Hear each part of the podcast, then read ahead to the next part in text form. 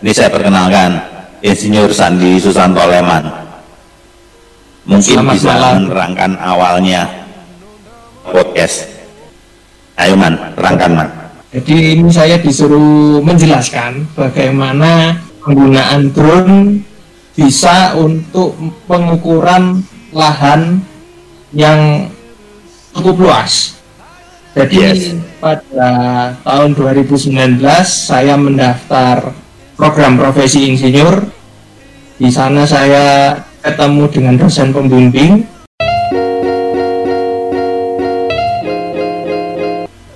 yang baru pulang dari Jerman setelah lulus S3. Mhm. Nah, sama dia diajarkan menggunakan drone untuk pengukuran lahan. Tapi waktu dosennya ini menggunakan drone, ada problem. Jadi fotonya itu ada highlight dari sungai. Jadi ketika ketemu highlight cahaya di sungai, fotonya Ya. ini tidak bisa diproses nama program. Nah, jadi saya di sini membantu untuk sebisa mungkin fotonya ini bisa diproses dengan program. Caranya gimana? Ya, ini semua kembali ke teknik dasar fotografi. Jadi teknik dasar fotografi ini kan ada side light, lalu Hmm. ada front light, ada top light, down light. Nah, pengimplementasinya dari sana. Jadi kita ambil teori yang paling gampang kan cahaya yang paling favorit adalah satellite. Kenapa satellite? Ya, Jadi pantulan dari cahayanya itu nggak terlalu masuk, juga dapat dimensi dari objek yang ditangkap.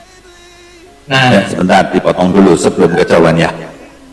nah, Itu yang idenya awal ngambil dari cahaya kayak satellite dan kawan-kawan itu dari teori mana ya? Saya itu teori fisika. Jadi kalau ingat teori waktu zaman sekolah, ketika kita punya gelas air dicemplungin sama pensil, heeh. pensil ini kan Oh. bengkok, tapi bukan Iya, berarti. iya, iya, iya. Nah dari sana dari pantulan cahayanya itu kita bisa ngukur kedalaman sungai. Oh, biasanya ya dari bias. Nah, jadi pantulan cahayanya Oke, oke. ke dasar sungai, terus pembiasan cahayanya dari permukaan air, itu nanti bisa didapat. Oke, oke, oke. Dari sana ya idenya. Terus lanjut. Mm. Nah, lalu dengan sekarang zamannya industri 4.0, drone ini kan terintegrasi dengan satelit, juga ada GPS. Iya. Kalau kita di Instagram ini kan ada, ah, gimana gimana? kalau di Instagram ini kan kita ada istilahnya geotagging location. Oh ya, nggak? apa derajat itu derajat ya bumi itu lintang berapa lintang selatan sekian latitudenya berapa Ya, itu salah satu hal yang disimpan sama geotagging location. Tapi kasarannya kalau geotagging location ini kita kayak mau ngetik tunjungan plaza, nanti langsung muncul tunjungan plaza, koordinatnya langsung dapat.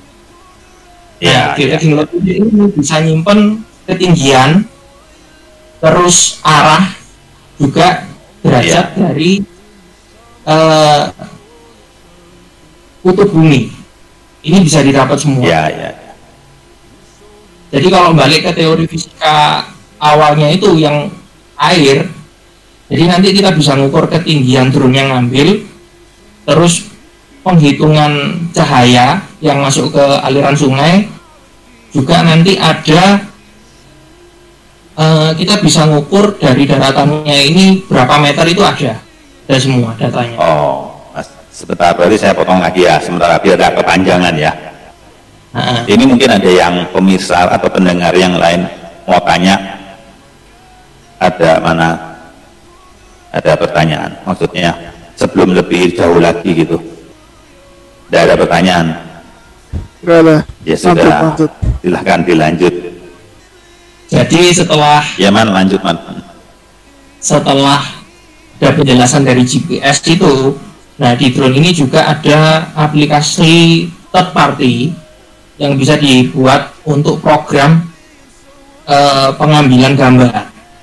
Jadi kalau biasanya kita Oh, ngefoto oke. kali kan cuma satu frame foto kan. Ini jadi bisa direncanakan. Satu frame foto besar Oh, ini kita iya. mau ngambil Mm, mm, mm. foto. Nah, dari sana kita kan di file foto ini ada tersimpan koordinat bumi, juga ketinggian Iya, iya. bumi ini ngambil. Terus ada juga Mm. eh, waktu pengambilan gambar. Nah, Waktu ini maksudnya jamnya. ah, jam. Jadi kalau untuk ngambil fotonya untuk jadi side light, kita kan jamnya paling gampang kan pagi, sekitar jam 6 sampai Iya, jam iya, setengah pagi atau sore gitu ya. Ya, atau sore jam setengah empat atau jam 3 sampai jam setengah enam itu udah maksimal. Mm. Nggak harus golden hour kan? Nggak harus golden hour. Jadi di sini mengesampingkan unsur seni lah. Teknik fotografi. Oke, oke. Ini sekedar Nah. intermezzo aja. Heeh.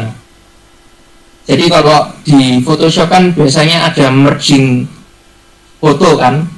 Nah ini ada Iya, satu ah. software lagi namanya Mensi APS. APS ini singkatannya Aerial Photo Survey. Itu free Nah. atau harus berbayar? Ini berbayar. Softwarenya? Oh berbayar. Oke, oke. Softwarenya Mm. berbayar. Terus lanjut. Mm. Nah dari softwarenya ini sekian banyak foto ini digabungkan jadi satu. Jadi nanti koordinatnya dibaca. Setelah itu Iya. pemprosesannya finalnya nanti kita tahu kira-kira lahan yang di foto ini berapa meter. Ah, Kalau yang bentar, bentar. Nah, Ah, ini daripada kepanjangan nanti kita bikin part selanjutnya ya. Kita bikin gantung-gantung biar pemirsa nanti bertanya nyiap no pertanyaan apa nanti nulis di bawah komennya. Ini yang yang youtubernya si Andika pemilik Asina variasi ini lagi diam aja nggak mau ngomong. Jadi tak promonya jadi ada ada pertanyaan dibahas. Nanti sesi selanjutnya kita lanjut lagi terus apa sekalian bahas kalau ada pertanyaan biar kita nggak kepanjangan gitu takingnya jadi nanti ada part. 2, part 3 dan seterusnya Ya, terima kasih buat semuanya. ya Buat terima kasih sama itu dong Insinyur Sandi Susanto Leman teman-teman sebagai pembicara dan Dia juga hostnya. ya ada. thank you ya men thank you Thank you, thank you, thank you. Oke,